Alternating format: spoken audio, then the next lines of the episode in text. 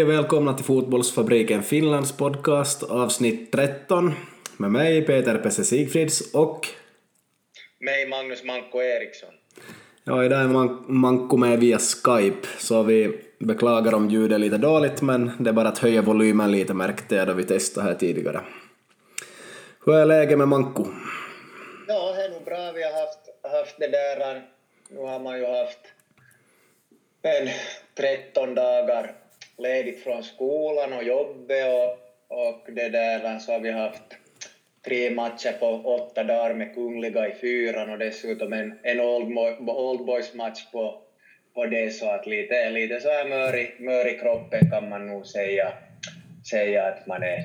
Och du har varit på, på semester du?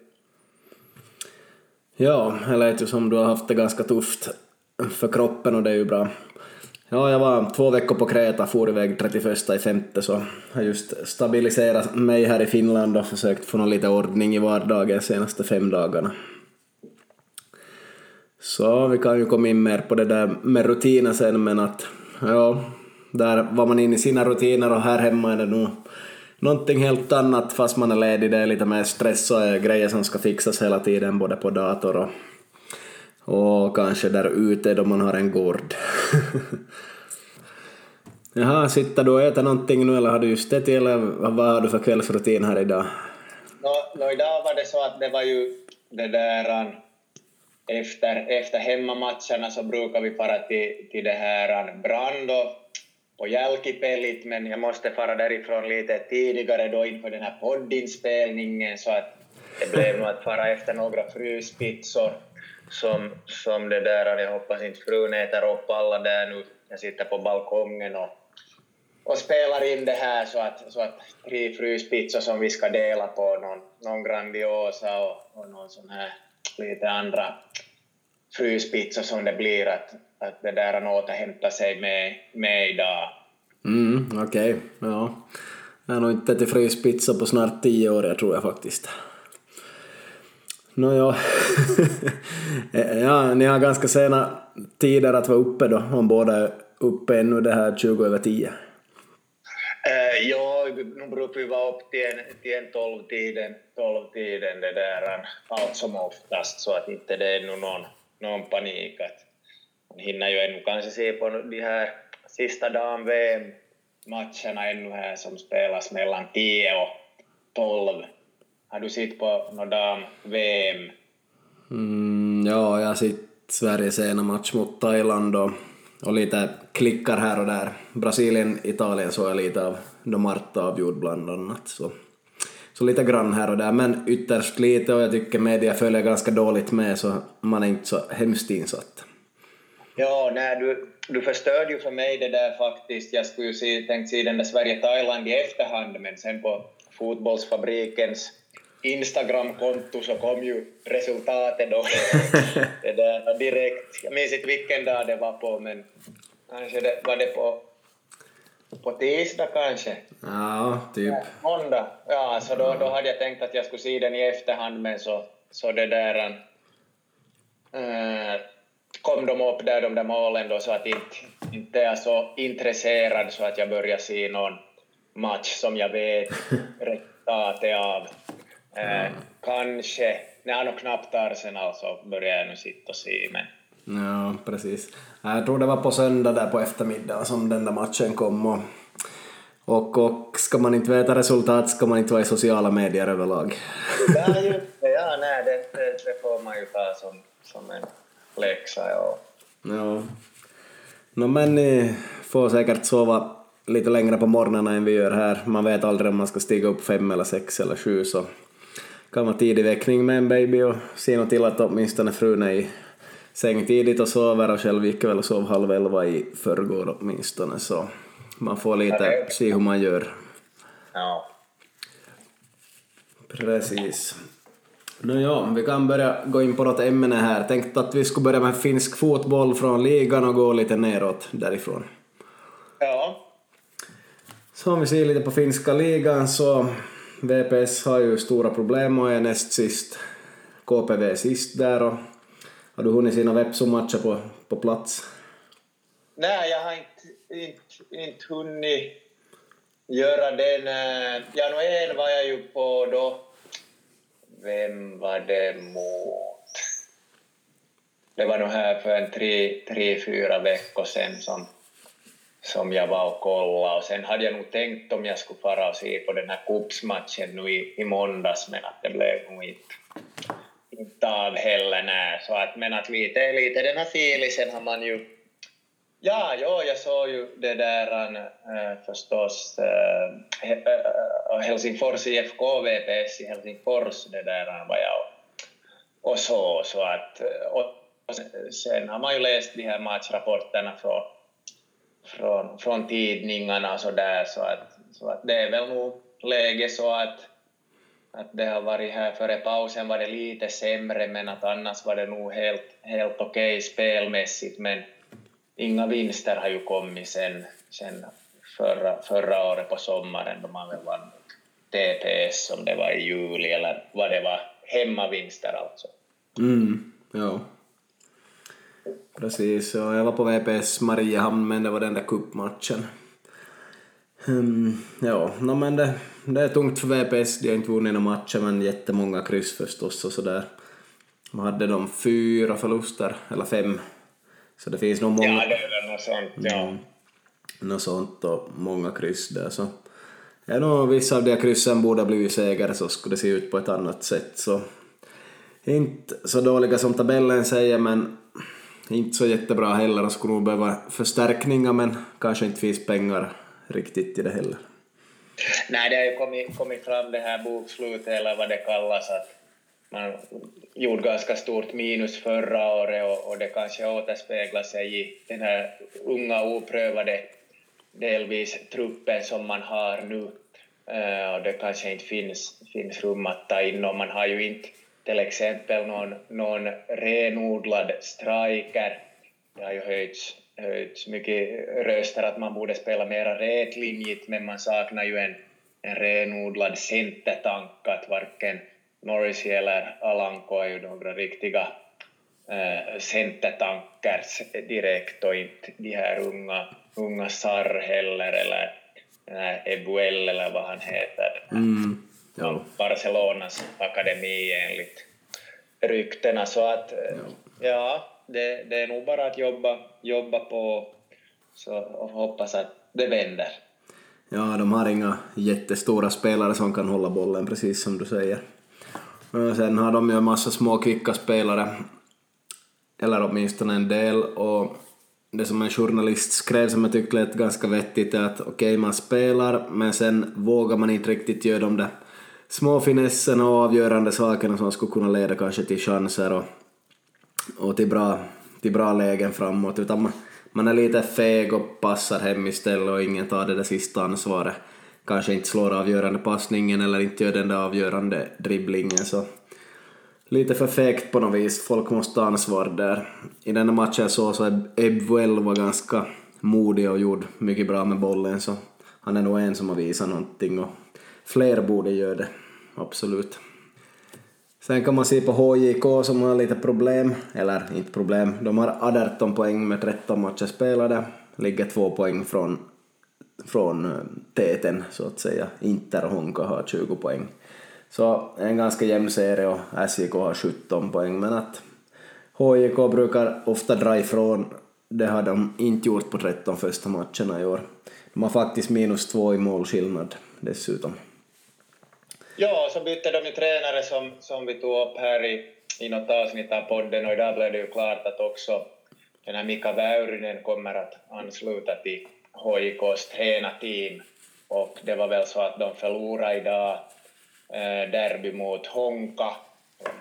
Det är väl nog derby kan man ju nog jo. kalla det, huvudstadsregionens derby. Så att de förlorade idag och SJK förlorade igår mot HIFK så att det spelas en del i kors och, och så har ju också lottningen blivit klar för HJK. De skulle väl möta något färöiskt lag, tror jag. Ja, Torshavn. Första, första omgången, så att, så att det får man ju hoppas att de tar sig vidare därifrån. Mm, ja. Väijyrinen har just gått FA-licens kursen här med, tillsammans med Mikael Forsell och många andra. Så en nybakad FA-licenstränare där med mycket, mycket rutin förstås av att vara spelare. Ja. Men det är Vesa Vasara som är huvudcoach visst. Det är Toni Koskela som, som har varit ROPS, så har blivit det där huvudcoach. Är nog från. HJKs organisation men som inte har riktigt fått möjligheten i HJK for till ROPS. Det kan hända han var där förra året också, gjort det bra. Ja, han gjorde, ROPS spelade bra förra året och så där och så plockar man hem honom då där, tillbaks till, till HJK. Så. Ja, ja jag, jag yrar lite, det är ju Honkas tränare, Vesa Vasara. Men han spelar i HIK förr i, förr i världen. Ja. tiden. Mm. Yes, inte vet jag om jag har så mycket mer att säga om Veikkausliga. Det, det tar sig vart efter, vi får se. Är väldigt jämnt, det är tio lag mellan 20 och 14 poäng, så allt kan verkligen hända ännu där och VPS och KPV har sex poäng. Ja. Har du följt med division 1 någon Eh, då inte, inte något no desto mer att det som man har förstått så, så är ju att Haka går bra eh, Eh, och att de då lite utmanas av TPS och eh, AC Oulu och att Jaro Idag vann de ju mot Ekenäs, men att eh, själva våromgången har nog inte, inte varit vad man har hoppats på i Jakobstad. Med dagens resultat så var ju lite överraskande dock. Jag tror, har för mig att TPS förlorade, ja, TPS förlorade mot Mypa borta. Ja, och sen vann Jaro mot Ekenäs och Musa vann mot Kajani och Haka vann mot TPV, så att det, det är Haka som tuffar på mot ligan där. De har en sju poängs eh, försprång mot TPS. Och sen AC Oulu är det där 11 poäng efter. Så att, men att Jaro som sagt vann idag och jämt i mitten. Kanske man kan ha ännu chans på, på den här kvalplatsen. Kanske det blir VPS Jaro i höst. Ja, man vet aldrig. Det är något som intressant kan man säga här. Och Jaro kanske kommer igång mer och mer, hoppas vi. Hoppas lite på Jaro alltid. Uh, Haka leder alltså med, med en hel del här redan. Jag vet inte, de har säkert fått in pengar någonstans ifrån för det brukar ju oftast vara pengar i bakgrunden och inte bara tio egna juniorer som har kommit upp och gjort jättebra men jag vet inte faktiskt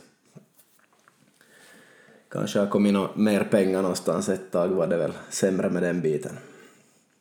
Ja, det var ju det här då i, om det var i mitten av 00-talet, där kring 2004 framåt kanske, som, som man, man var riktigt bra då man hade, hade där Toni Lehtinen som center och sen var det Vallu Popovic på på och Sen var det Innanen och Manninen på varsin kant och Jane Fowler och det var Jari Kauppila på, på Def Mid och det var ju också i den här, under den här eran som Vasasonen Seba Strandvall for, for dit till Haka och börja, börja konkurrera, men sen, sen så började pengarna ta slut och, och man, man uh, föll, föll ur. Jag minns, minns den där matchen faktiskt, det blev ju klart då mot, mot VPS här en höst. Eh, att de, de föll och sen har man hållit till i, i ettan sen dess, men att är nog på väg tillbaka med, med stormsteg nu kan man säga. Mm, ja, verkligen. Yes. Har du följt med division 2 någonting speciellt? Äh, jag har ju lite lite kolla, eller lite sådär sitt resultat och sånt, att i den här C-zonen så är det ju SJK som SJK Akademia som går, går bra och, och sen att JBK har fått också en, en bra start Vasa IFK har väl spelat helt okej, okay, men en del storförluster också. Det är ju klart att när man förbereder sig för en division 3-säsong och sen mitt i allt så ska man spela i tvåan, så det är klart att, att man kan, kan inte hoppas kanske på några topplaceringar, men att, att mittenskiktet kanske skulle vara en målsättning för dem. Man har ju ännu den här Kasper Kjellberg centertanken att, att vänta på att börja ösa in mål också. Ja, bara att vänta på honom. Det blir lite intressantare då han kommer med säkert. Överlag är division 2 ganska tråkig att följa med eftersom trean innehåller så väldigt många derbyn här i Vasa i alla fall. Ja, det är många, många derbyn i Vasa och, och sen är det derbyn i Sydösterbotten just då vi har, har Kaskö Sporting och, och Kraft där och ännu Korsnäs som grädde på moset så att det är nog en, en intressant trea där vi har kanske får förvånas över att Kisto faktiskt är så överlägsna som de är. Ja, ser man på division 3 här i Österbotten så det finns garanterat 20 spelare som skulle utmana om en plats i Vasa IFK om det skulle kännas viktigt men att det är kanske inte viktigt just i år utan de vill spela i trean och det är inte alltid division 2 som lockar.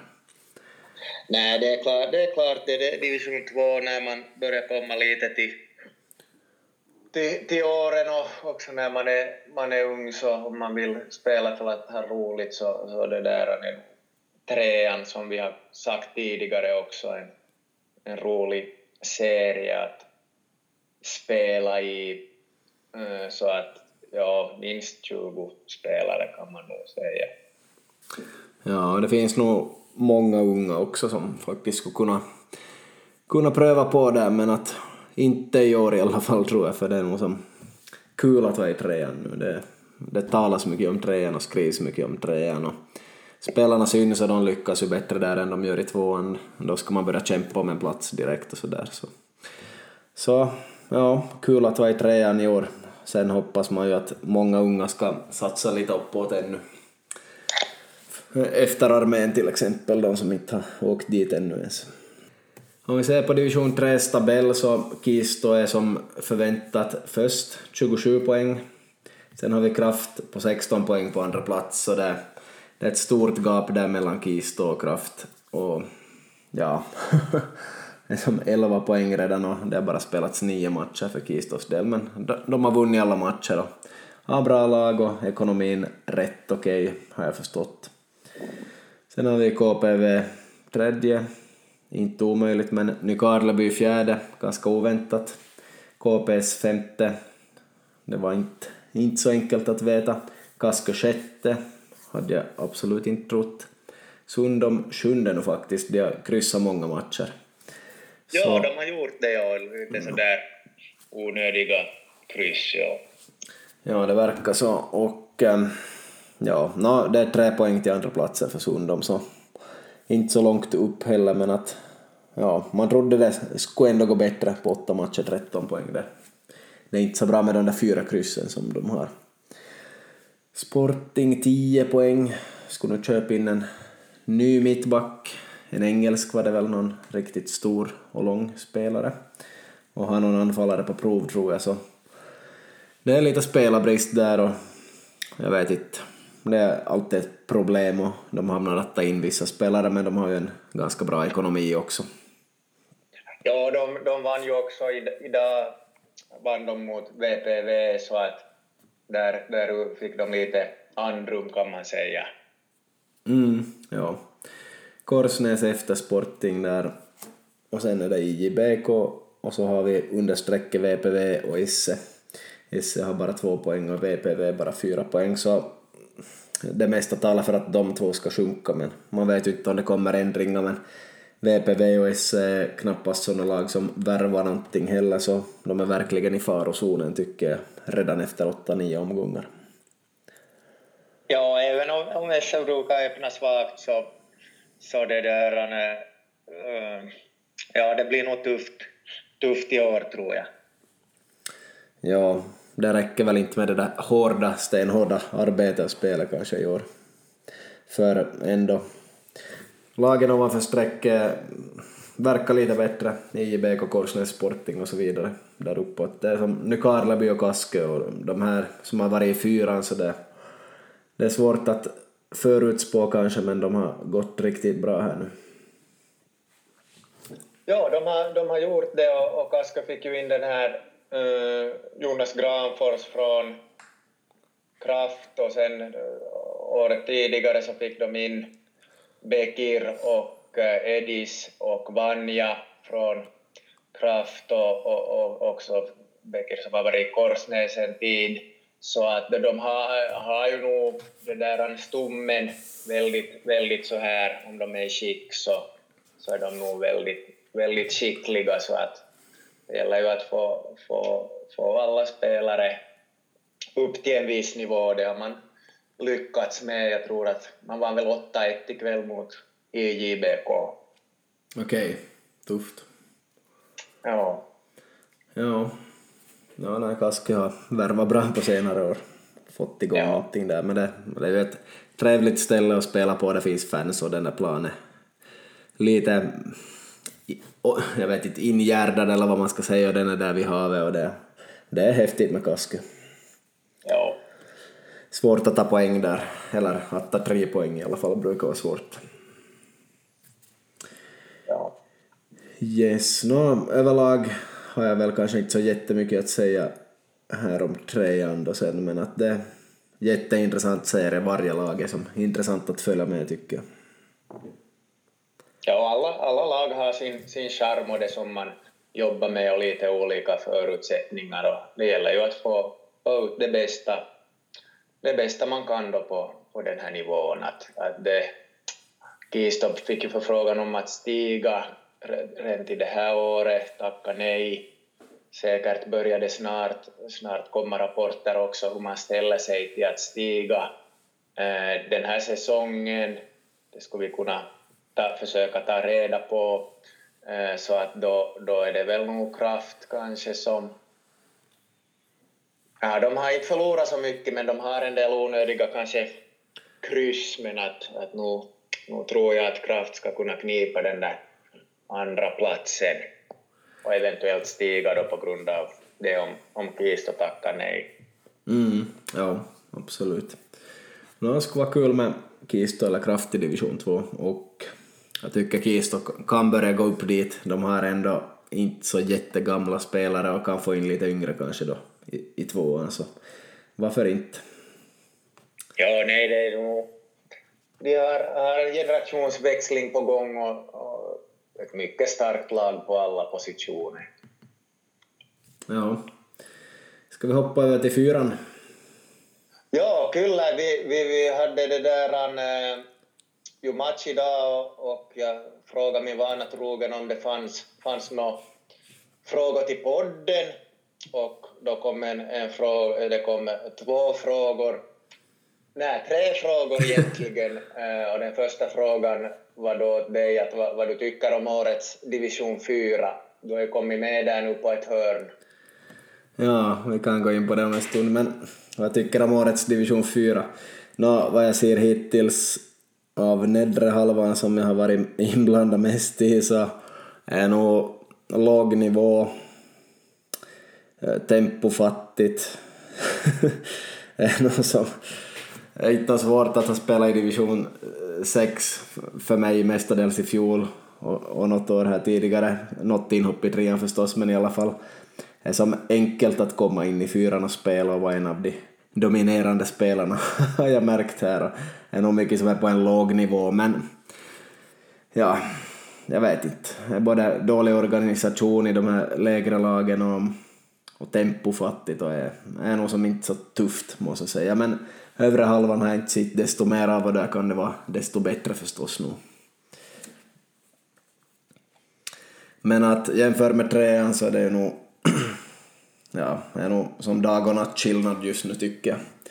Fast nog kanske Norrvalla, Kungliga och SIK och ABC kan ta poäng av någon division 3-lag men att jag tycker inte de har något i trean att göra som jag känner det hittills, men jag har inte sett så noggrant heller deras matcher. Norrvalla har tio segrar på tio matcher, så kanske de är riktigt bra, men då jag ser på deras spelartrupp så tycker jag inte heller att de skulle vara kanske kapabla att hålla sig trean ännu, men mm, det här är spekulationer i alla fall.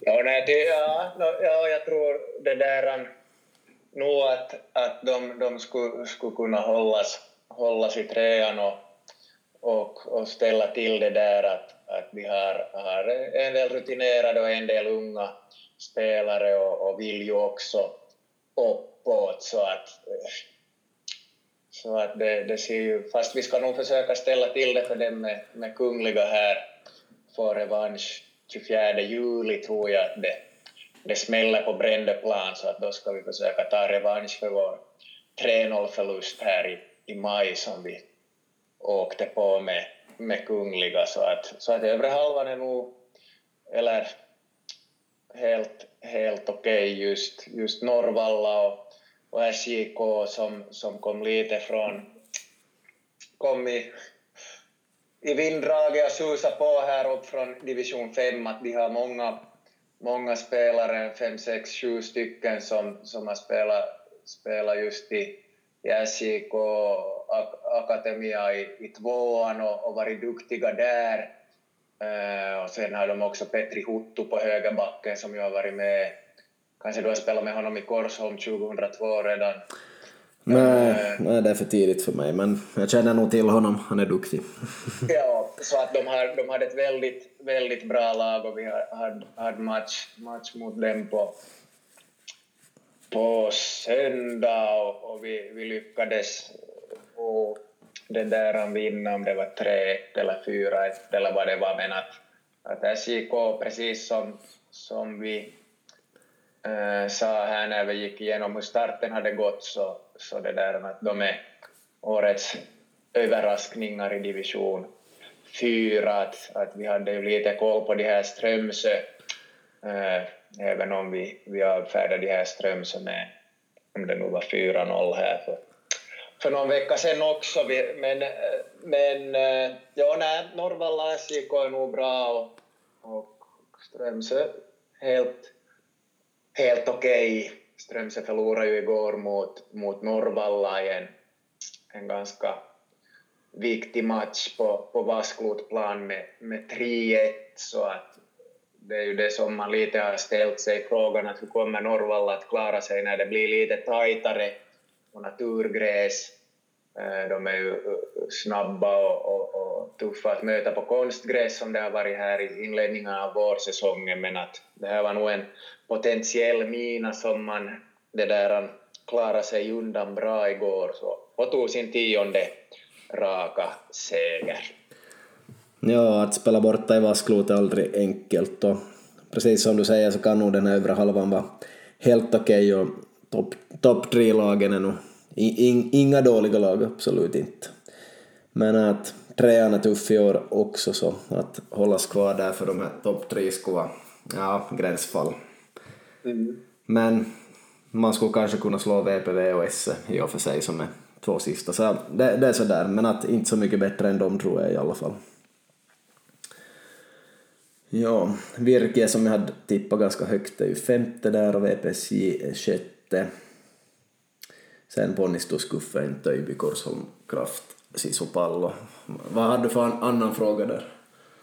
Ja, den andra frågan äh, var hur, hur, jag vet inte om du får klippa bort det, att vad, hur det, vad som hände i slutet av äh, Kraft 2 Korsholm. ja, det tänkte jag nog berätta. no, man måste ju se matcherna som en helhet, men um, Domaren ger kanske lite enkla gula kort i första halvlek. Vissa spelare gör nog dumma saker också, till exempel fått frispark och kanske försöker göra någon eftersläng som inte träffar och inte nära att träffa, men få kort för sånt kanske. kanske ändå något enkelt gult kort i första halvlek. Um, ja, nåjo. I alla fall, uh, det som hände som var lite kaos först var att det var nog en som delade ut en smäll mot en fot, inte så hemskt mycket med flit utan mer i en situation och så han, han hade redan gult kort och då kommer domaren och han ska få rött kort och det framkallar ju alltid känslor då man vet att man ska få rött kort. Eh, jag tycker det var ganska hårt dömt. Han fick rött kort och den spelaren knuffade till domaren så att domaren flög bakåt och omkull och steg upp sen. Och den spelaren var jättearg så det blev nog jag som tog honom av plan faktiskt personligen. Så där blir nog säkert en längre avstängning än två matcher eller en match. så det var lite kaos och en stund senare så, så blev det lite kaos igen. Vi har igen en spelare som har ett gult kort och så har vi en Närpesbo som säger fula saker, först åt honom och om hans morsa, vilket inte, alltså om hans mamma, vilket inte är så populärt bland folk från andra kulturer, så, så då kanske de ger tillbaks, det gjorde han egentligen inte, utan han, han gjorde en ganska vettig grej tycker jag. Han joggade efter honom och pajade hans bakhuvud så det lätt bara sa thank you. Men då domaren såg det där så så, så ville domaren ge gult kort. Jag vet inte om den där spelaren filmade och låtsades att det tog, låtsades att det tog ont eller inte.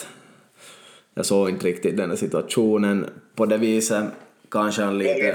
Du är lite som Arsene Wenger, mm. att du ser Jag var ganska nära där faktiskt. Jag minns inte om den där spelaren låtsades att det tog ont i huvudet eller inte. Det kan jag inte säga just nu, men i alla fall så såg man att okej, okay, nu kommer det ett gult kort här också och han har gult från förr och då får han rött kort och det är nog lite löjligt verkar det vara. Jag tror domaren hörde dessutom vad den där spelaren ropade först. Eller sa de där tre fula sakerna dessutom. Så ta det i beaktande och fundera att vad, vad var det riktigt som hände och så och har man då koll på att den här har gult kort från förr så kanske man inte ger ett rött kort.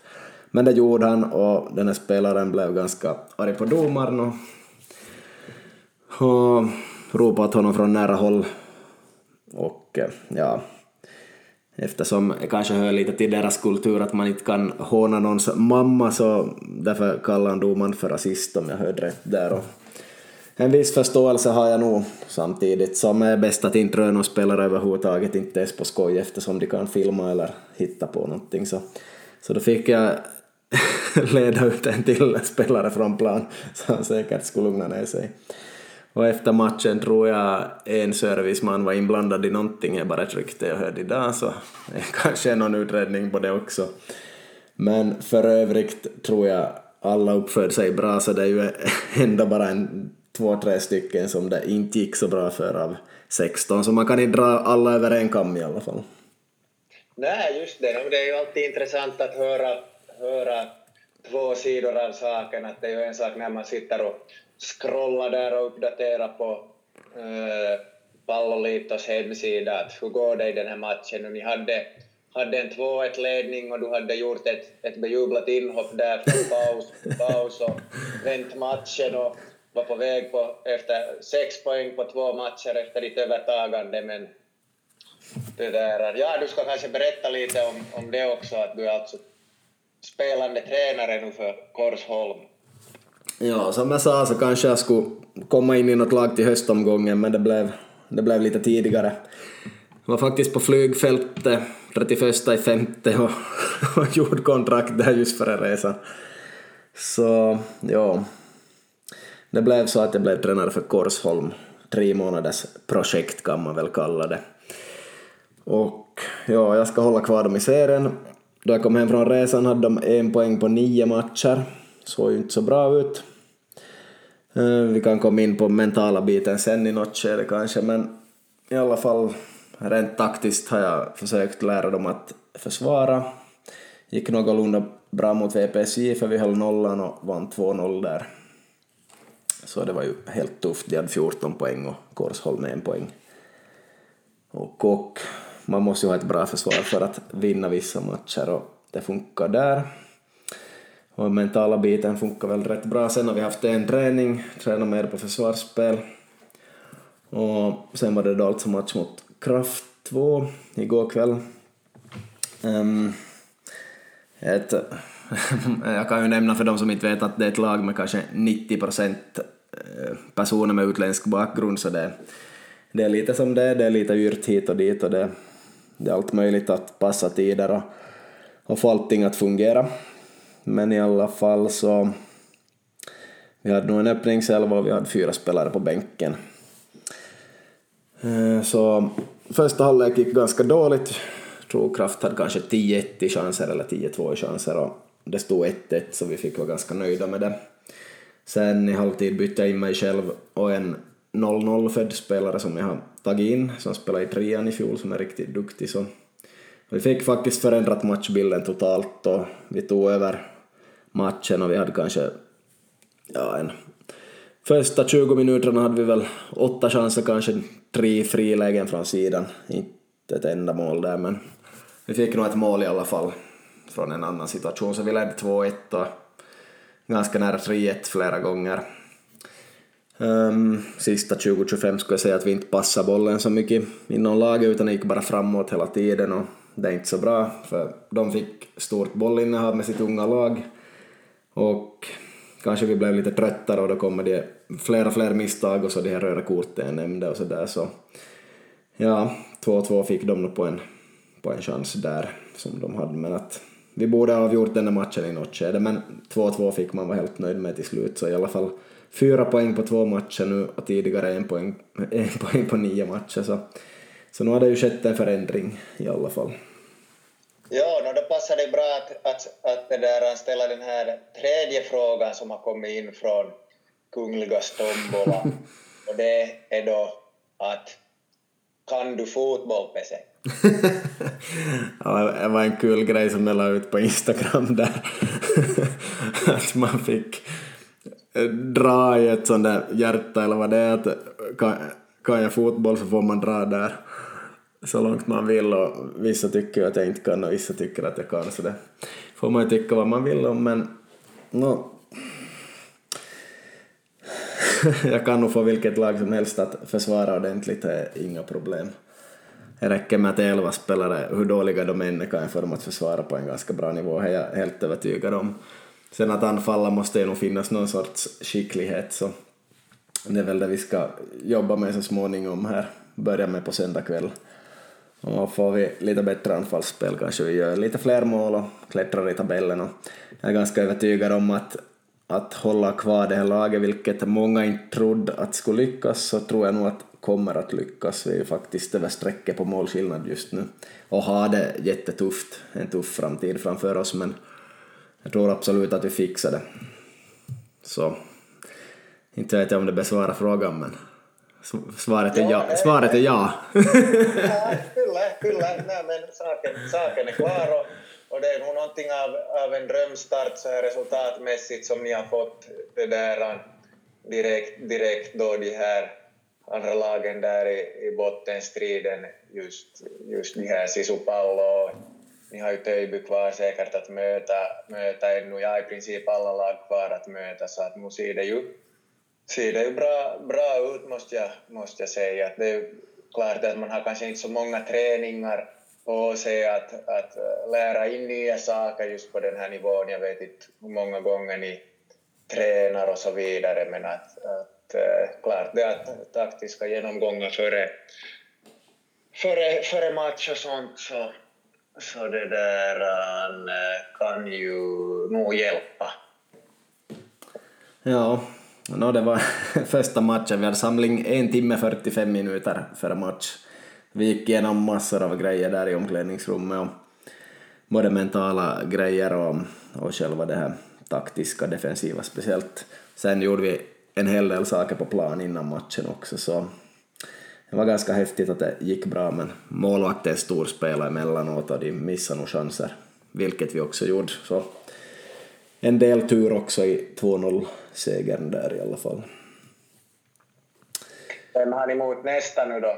Mm, det är Sisu Pallo som är sist i serien och nu har vi två avstängningar men ja, intressant och spännande och så här hela tiden men för egen del kan jag säga att är så pass låg nivå på de här lägre lagen så att kom in på mitten mittfältet själv så man kan förändra ganska mycket bara från en spelare som har lite mer rutin och få de andra att fungera bättre så vi spelar faktiskt bra i 20 minuter, riktigt bra fotboll och tror jag inte det här laget har gjort något i år. så, mm, bara de där 20 minuterna blir fler så det blir nog riktigt bra. Men det är alltid intressant att ha ett projekt eller ett lag där man ska vinna en serie eller hållas kvar. Jag tycker inte om lag där man, okej, okay, vi ska vara i mitten. Och vi, är, vi, vi, är, vi kommer fjärde nästan säkert, eller vi kommer femte nästan säkert. Det är ganska ja. tråkigt i mina ögon. Jag vill vinna serien eller kämpa om att hållas kvar. Det är som det ger en extra sån där fighting spirit åt mig. Mm. Så, och det är nog kul att spela fotboll, här måste jag ju säga.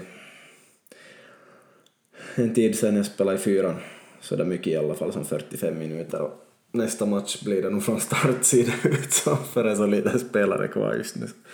Ja, just så. Lite skador och avstängningar helt enkelt. Ja. Så, inte vet jag.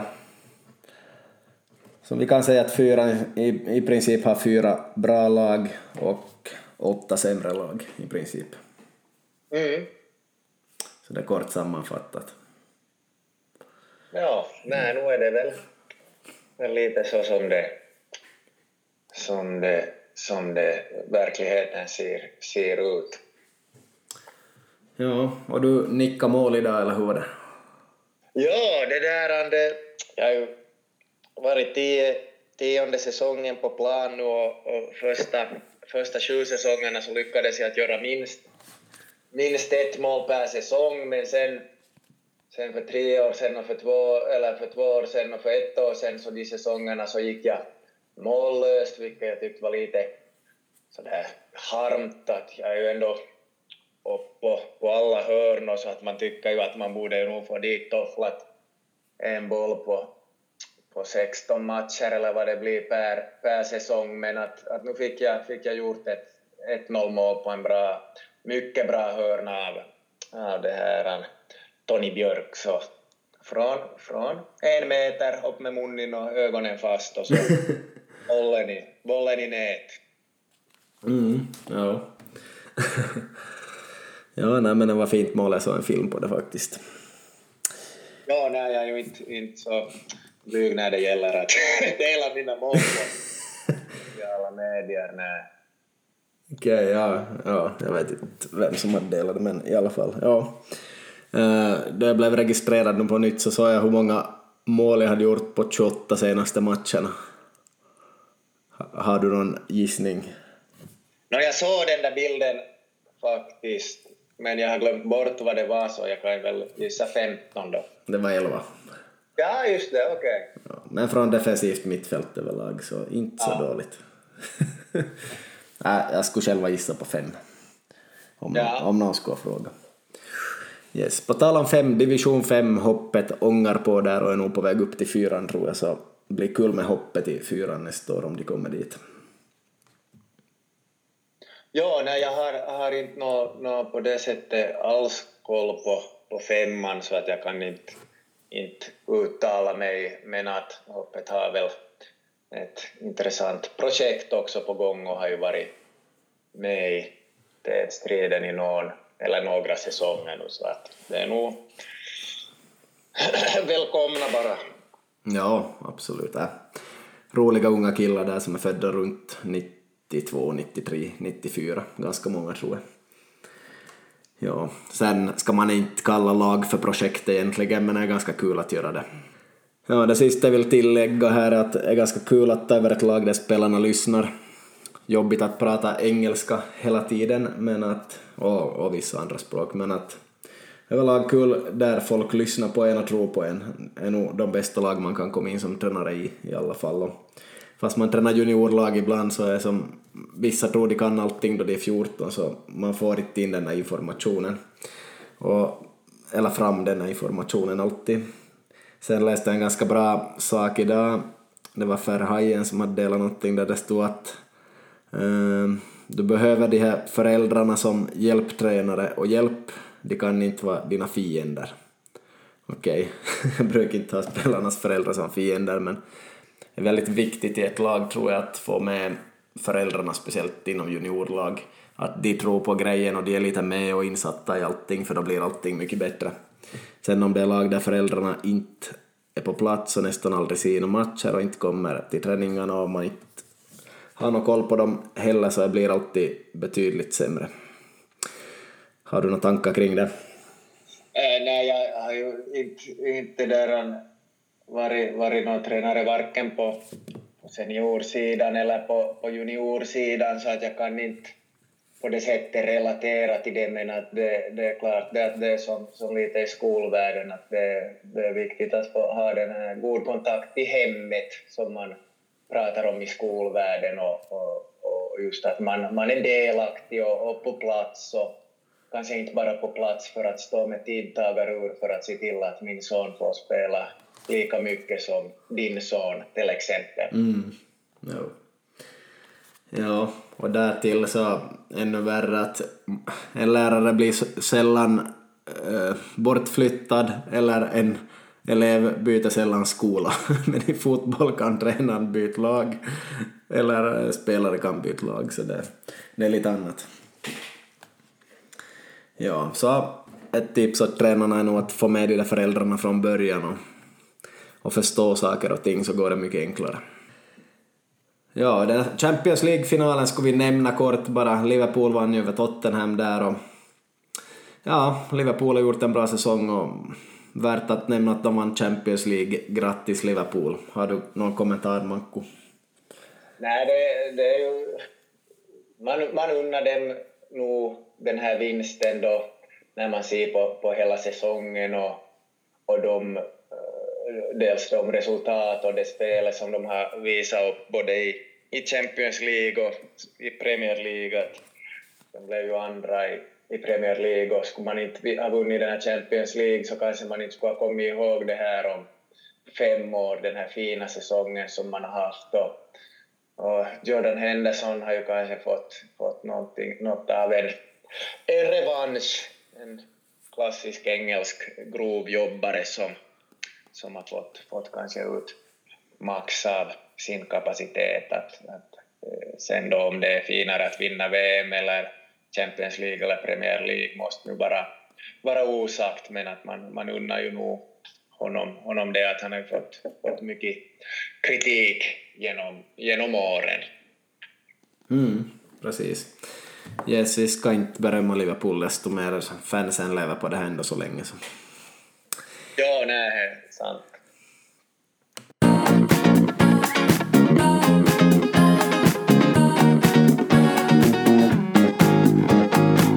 Ja, sen så tänkte jag diskutera vissa saker som är annat än fotboll, men först någonting om fotboll ännu, att en tränare kan vara för bra. Ja, vad handlar det, det om då? Nå, ibland har man en tränare på en plats som inte ett lag eller en styrelse förstår hur bra den är, eller en träningschef, eller så är den bättre än träningschefen på vissa grejer. Och då kan det bli problem att ha den här tränaren på plats eftersom den säger mycket och vet mycket och tycker mycket men folk vet inte hur mycket den vet och om det den vet är rätt eftersom den har en högre kunskap än de som ska bedöma personen. Häng du med Manko? Ja, tror du att det ligger någonting i det här ibland? Äh, jag har nog faktiskt aldrig tänkt tänkt på det här, men eh, är det något skilt du tänker på eller? Nej, det finns många sådana uh, orsaker till att jag har de här tankarna, men man kan tänka så här också att då man tar in ett proffs till en arbetsplats på något område så princip tar man väl inte in ett proffs för att berätta åt proffset hur den ska jobba, utan den borde istället berätta hur vi ska göra på arbetsplatsen. Man borde ju köpa in någon som har en kunskap som man saknar i princip. Ja, ja. Så lite samma sak här. Till exempel om vi skulle vilja utveckla fotbollsfabriken kan vi ta in en webbdesigner eller någonting och jag tror inte det vi som ska berätta åt den hur vi ska göra så mycket. nej, det, det, nej, det var ett bra exempel. Mm, ja, så lite samma inom fotboll. Att tar man in någon sorts proffs så kanske ge, ge tid och ha tålamod åt de här. Och de kan visa vad de gör och sånt och man kan försöka bedöma det men man måste också fundera att vad har det för bakgrund den här personen och utbildning och kan det vara så att den faktiskt gör någonting bra utan att vi riktigt inser det. Och det klingar ihop kanske lite grann också med det som jag sa senast i poddavsnitt 12 att eh, de som är mest ärliga ibland förlorar en kamp om ett jobb jämfört med de som är oärliga.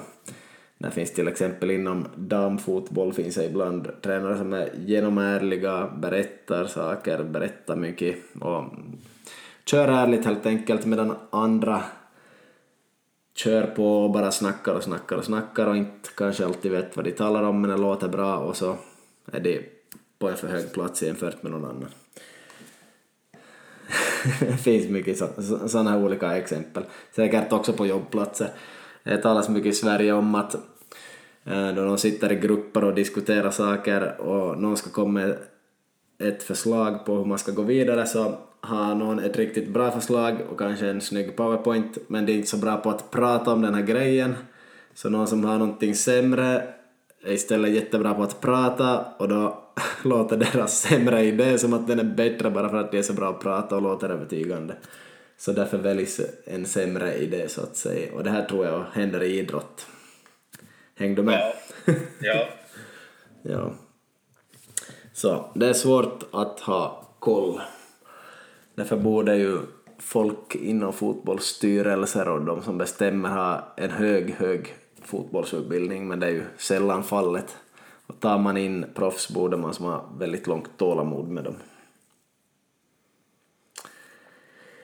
Yes. Har du några kommentarer kring det här? Nej, nu låter det ju helt, helt, helt vettigt ur och, och går att, att äh, anpassa eller projicera på många, många situationer. Ja. Uh, äh, det som jag säger nu har inte något att göra med det jag just sa, men det är ganska kul om man har haft fotbollsskolor i, ja vad blir det, 14 år ungefär, sedan 2005. Så i början, de fem första åren, då jag inte hade någon tränarutbildning alls, eller låg tränarutbildning, så det kan hända att folk tyckte lite bättre om en och ehm, att man hade fler deltagare då än man börjar ha nu då man är högutbildad, jag vet inte varför men det som, folk vill inte alltid ha det som är bäst utan de vill kanske ha något som är roligt eller någonting som är lite chill. Jag vet inte. Ja, det, du får ju ta, ta, ta och göra några enkäter på det. Det kan ju nog också vara just så där med, med samhället i lag att, att det blir mindre och mindre, eller inte vet jag om det blir mindre och mindre, men just så här i idrott man sitter mest, mest framför, framför datorn och telefon, att om det kan ha något med det att göra också. Mm. Det här med att, att deltagarantalet går ner, men att, att nu kan det ju också förstås eh, stämma det som, som du säger. Ja, lite grann båda kanske. Ja. Tala med en eh, tränare här i veckan också att det är så svårt att engagera folk nu för tiden och få dem att göra saker. Det ska ordnas lite teknikträningar för de här tekniktävlingarna som var lite populära förr i Finland. Eh, du har knappast hört att de existerar på ganska länge men de finns ännu de här tekniktävlingarna där man kan bli fiskmästare. Du vet. Ja, ja, jag vet, men jag har nog aldrig varit med. Nej, inte jag heller. men att eh, en förening har som idé att okej, okay, de ska lägga ut banorna och spelare får komma och köra banorna hur länge de vill, en timme eller två till exempel, så där bara och, och sen fara hem helt enkelt. Men av en hel förening tror jag det var två anmälda efter två veckor kanske, men okej, okay, det kan ju öka och kanske infon inte har gått ut så bra, men ändå det säger nog någonting om dagens samhälle, att får man gratis fara och göra någonting som erbjuds så varför far man inte dit då? Det är som lite konstigt och även om min fotbollsskola alltid kostar så är det som små pengar överlag så jag vet inte, jag vet inte varför det minskar deltagare jämfört med förr men det är nog kanske att, att de här ungarna inte, inte är så ivriga att cykla 10 kilometer för att träna och och så här, utan det finns så otroligt mycket annat också. Jo. Så det ska vara bekvämt eller så ska föräldrarna vara styrande. Så det är nog, ja, vi lever nog i lite svåra tider. Och det här med fotboll det är ju som en väldigt bekväm sport, det är ganska billigt, det är ganska enkelt på alla sätt och det är varmt ut överlag. Inom ishockeyn tror jag de är lite tuffare redan från början att så här är det, så här är det, så här är det, ni ska göra jättemycket talkon och det kostar mycket allting och alla är med fullt och sådär. Men fotboll är lite mer chill och folk, jag vet inte, det går, säsongen är ju lite inne i semestern för många också så det, det är lite knepigare och jag tror nog att vi gör många fel inom finsk fotboll där. Inte då tränarna utan själva folket och kulturen på något vis. Är nog någonting som gör att vi skjuter oss själva i foten tror jag. Och andra länder skrattar ju nog lite åt att vi har tre veckopaus i juli. Men det var också en orsak till att jag gick med på att ta ett division 4-lag nu också, att, att ha paus tre veckor i juli för en bra månad att vara ledig. Ja, du menar, menar ledig från matcherna. Jag, jag utgår ju ifrån att ni, ni nöter, nöter det här anfallsspel under den här lediga tiden, eller hur blir det? ja, kanske inte exakt tre, tre veckor lediga, men det blir nog ganska mycket ledigt tror jag och spelarna vill säkert ha det, vare sig jag skulle vara ivrig eller inte med att träna jättemycket så det blir nog paus, det blir det helt klart. Och jag antar att ni också har paus. ja, det har vi, det har vi nog. Det är ju fint, fint, fint med tre, tre veckor där i... tror vi, vi spelar en match kanske första... Första, jag kan se här i, i kalendern, vi har just mot de här nämnda Kraft 2 första juli och sen har vi 24 juli mot, mot Norrvalla hemma då, så att det det är ungefär tre veckor paus där. Ja, och där har vi tre veckor med gräs, så man hoppas att sådana här satsande spelare skulle vara ute och göra någonting på gräs och kanske vara med kompisar men också med lag eller fotbollsskolor eller morgonträningar och sånt för men som en bra tid med, med grästräning utomhus helt enkelt så ja, det är lite knepigt att vi inte utnyttjar det här desto bättre i Finland tycker jag. Sen kan man vara bekväm själv men det beror på livssituationen man är i och det, det är en sak för sig. Skulle man vara i en annan situation eller jobba med, jobba med fotis heltid så skulle man nog verkligen jobba för att, för att det ska hända mycket i juli också för de här juniorerna. Ja, nej, vi är ju just för vår egen del så vi är ju inte unga och lovande och mera så att inte tror jag vi far och, och kör några teknikbanor det där från åtta på morgonen här i början på juli, varken du eller jag. Nej, eller har du något, eller vad skulle du säga?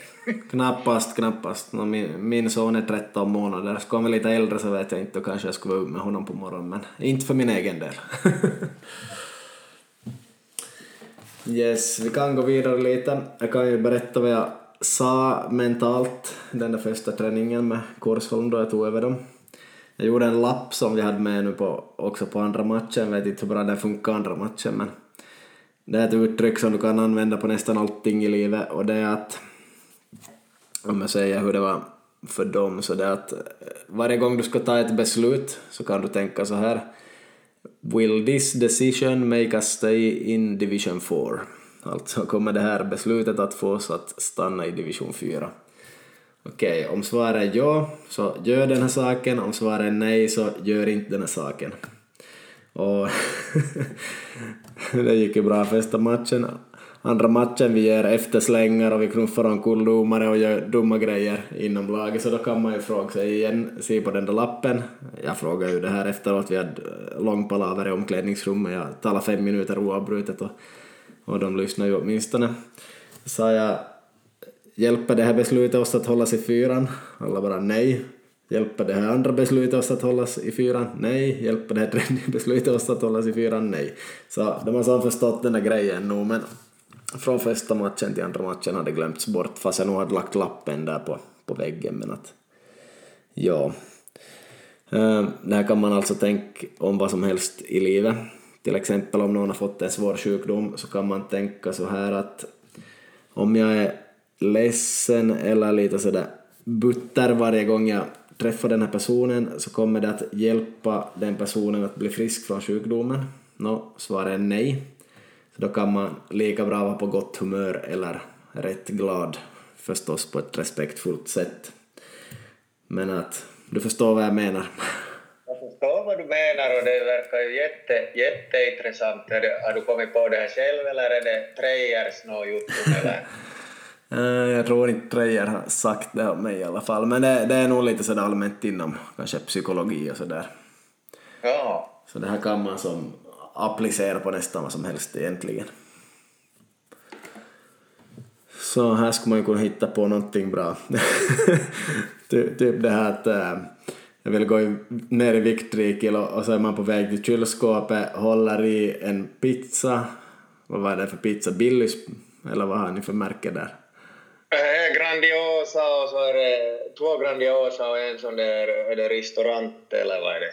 Okej, okay, så då står man med Grandiosan i handen, tänker man, hjälper det här mig att gå ner tre kilo som jag har som mål? Nej, då äter jag inte den. ja. ja så.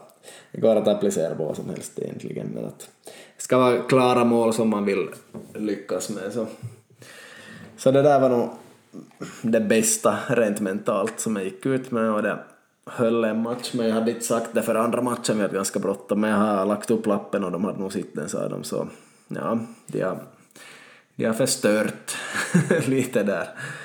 Det som vi hade byggt upp så får vi bygga upp igen och, och, och det kommer ju fler saker förstås vart efter men eh, jag studerar mycket sådana hjärnan och beteende och sånt och, och det är nog att eh, lite klen är man mentalt också om man ställer till med mycket sådana gula kort för att man vet ju hur man ska undvika dem men eh, är någonstans då man får en tanke att man skulle vilja göra någonting dumt eller ge tillbaks, kanske för att sätta sig i respekt, så då, då gör man det för att den, vi har ju medveten och omedveten hjärna så att säga, det här tänkande.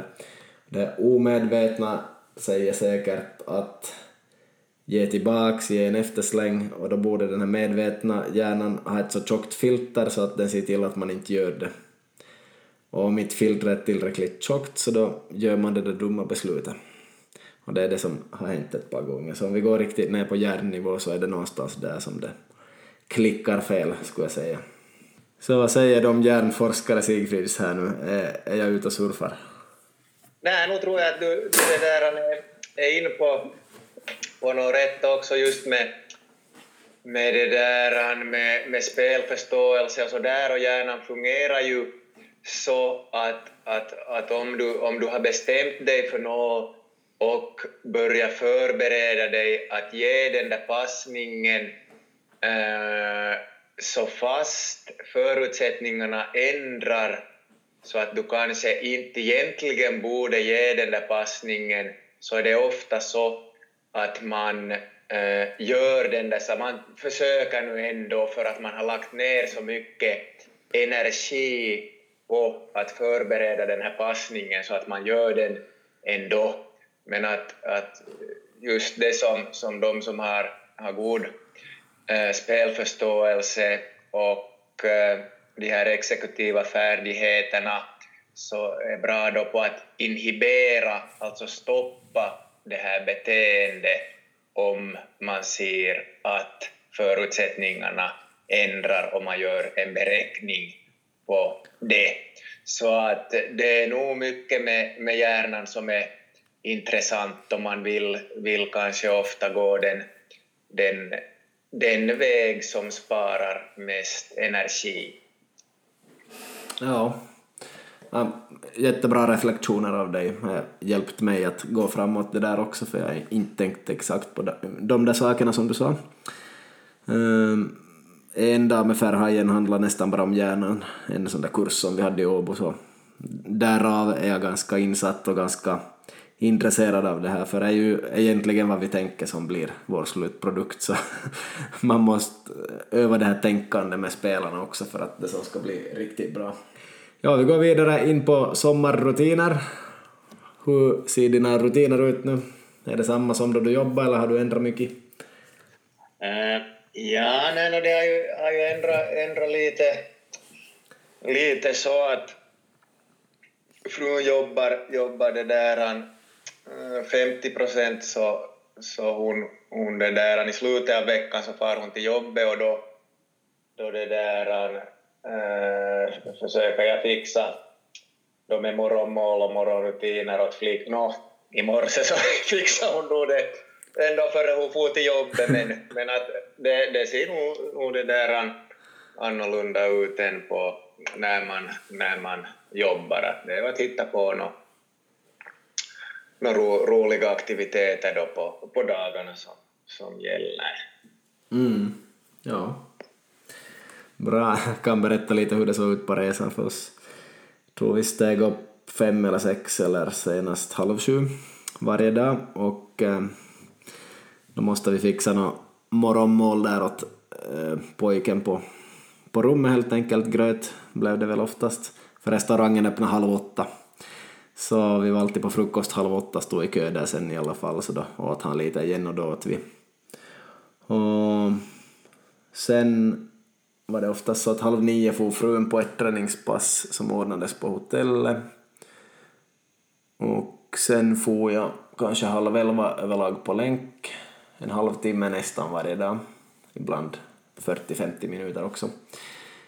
Så var jag på det och sen får jag ofta på ett vattengymnastikpass en halvtimme och som började klockan tolv.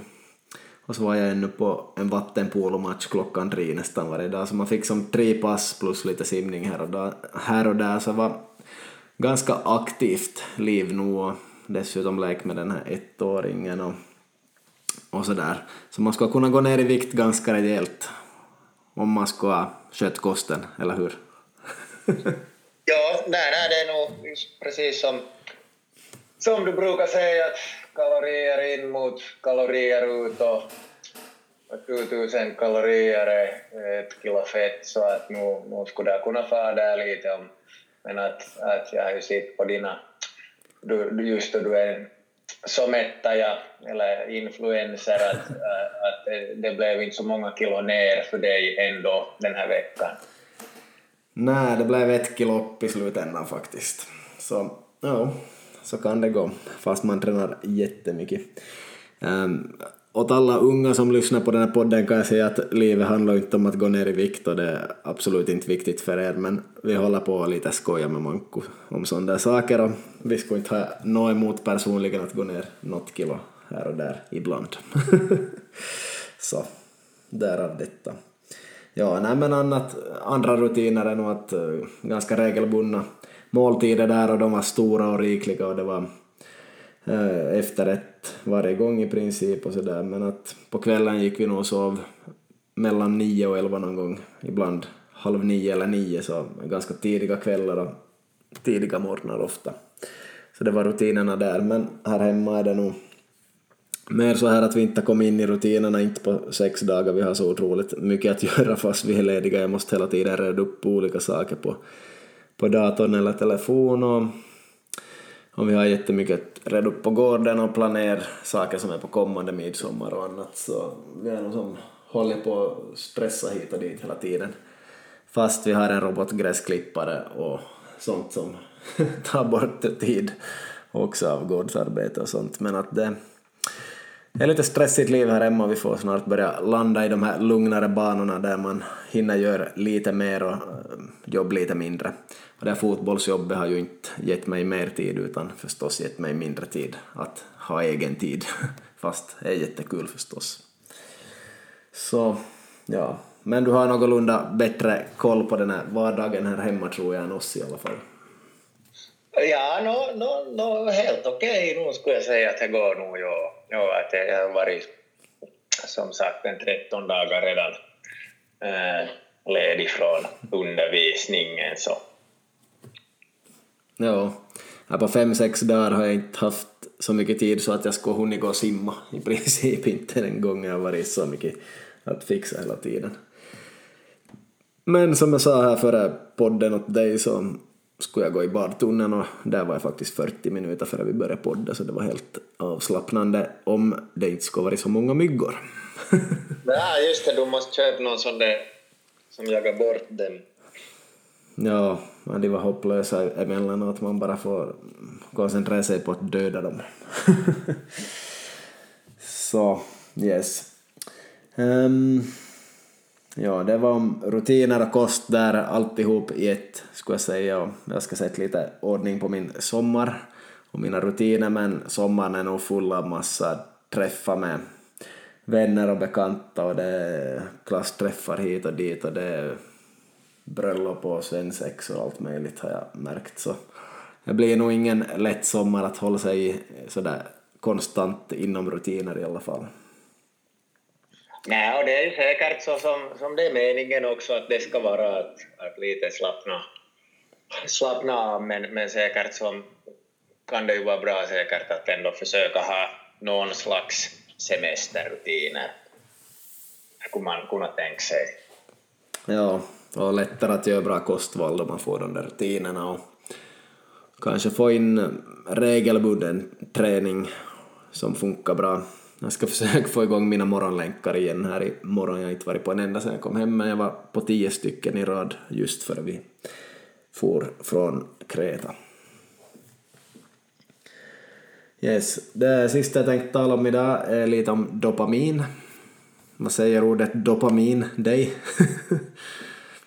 ja, det är väl är det någon nå hormon eller signalsubstans som, som kanske gör en äh, lycklig eller på gott humör kanske. Mm, ganska exakt det som du sa. Kallas också för hydroxytyramin. Men att det, det bildas av tyrosin och ähm, ja, ett, så, ett sånt här hormon helt enkelt. Men det som gör det här dopamin aktuellt just nu så det är att, det är att de här sociala medierna utsöndrar dopamin för oss. Det gör liksom varje like på Facebook eller varje gång vi går in på Instagram och scrollar eller ser någonting så vi får en liten dopaminkick hela tiden. Och... Vänta lite, jag måste gå och se, se hur många like mitt mål har fått. ja, där, där ser vi, och, och det här passar ganska bra in på något som jag tänkt komma till. Och det är just att om man som lärare eller äh, tränare, föreläsare och sådär, och det är inte mobiltelefonförbud, så i det skedet som någon tar fram mobilen och börjar se på den, så det betyder att du inte har gett tillräckligt med dopamin åt dem som föreläsare. För de vill ha dopamin, det vill människor ha ofta och mycket. Så om du är tillräckligt dålig så börjar folk se på telefon för att hämta dopamin därifrån. Men om du är inspirerande och aktiverad och talar alla de grejer som är intressant och fungerar bra så då, då kommer de inte att ta fram mobilen heller. Och det dummaste man kan göra överlag är att ha en powerpoint och så står det mycket text och så står man och berättar exakt det som står där. Då blir det tråkigt i längden. Ibland måste man göra på det där viset för att lära ut grejer, det vet jag.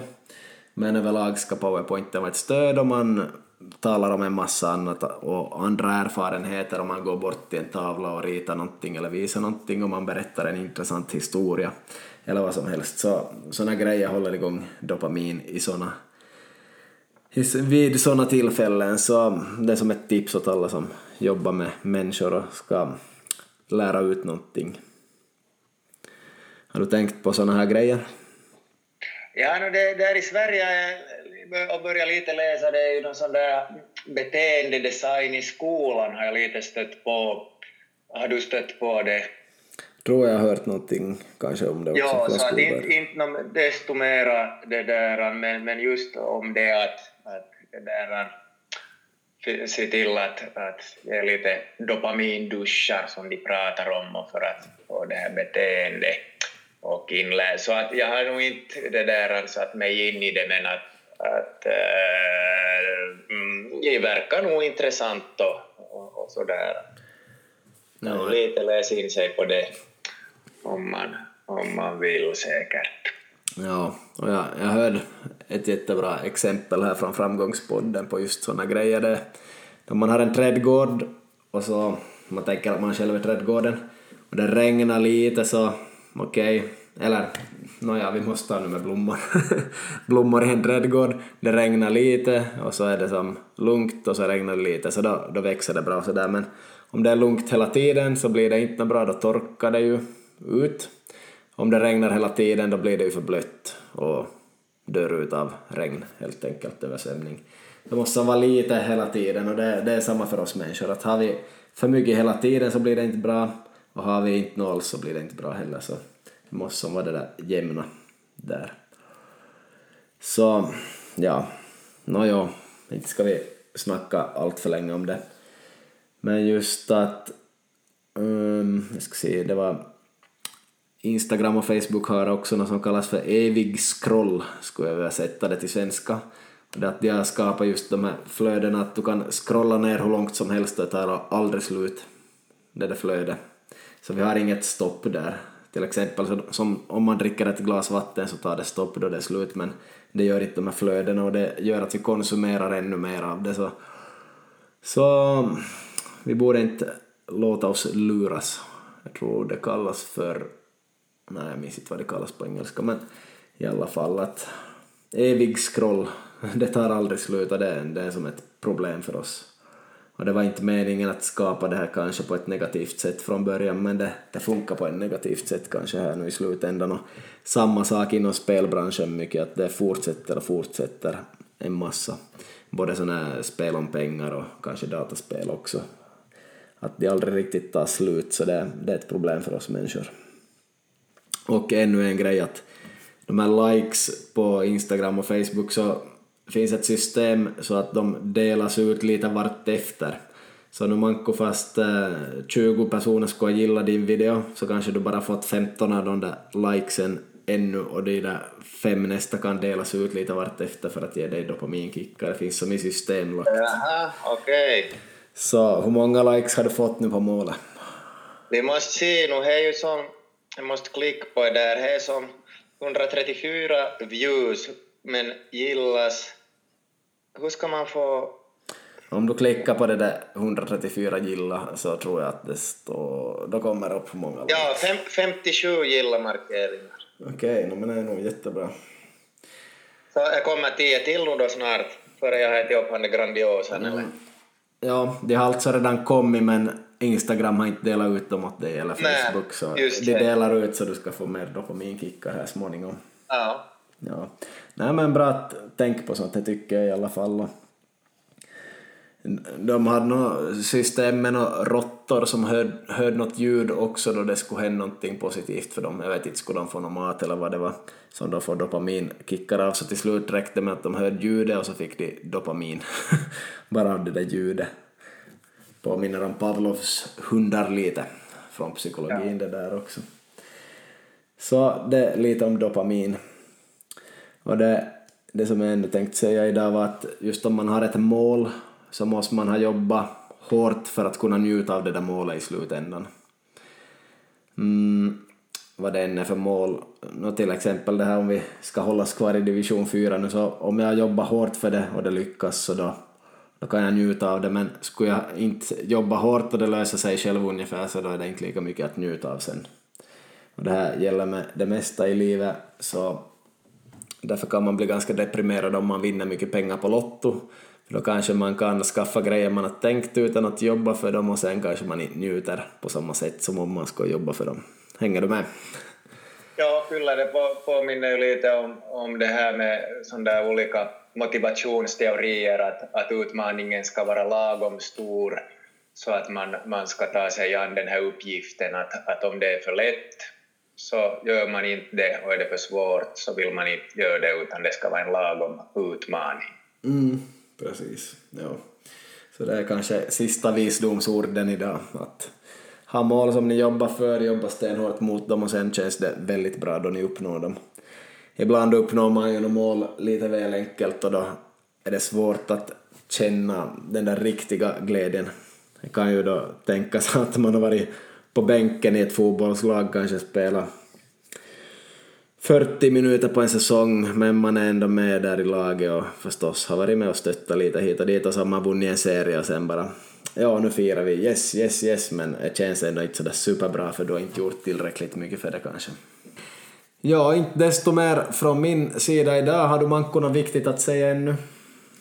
Nej, jag tycker att det var, det var ett, ett det där, um, bra avsnitt, gick igenom lite serierna och kommande utmaningar och och så där, så att det, det återstår väl nog att, att bara beklaga ljudkvaliteten och, och önska alla 30 lyssnare en glad midsommar.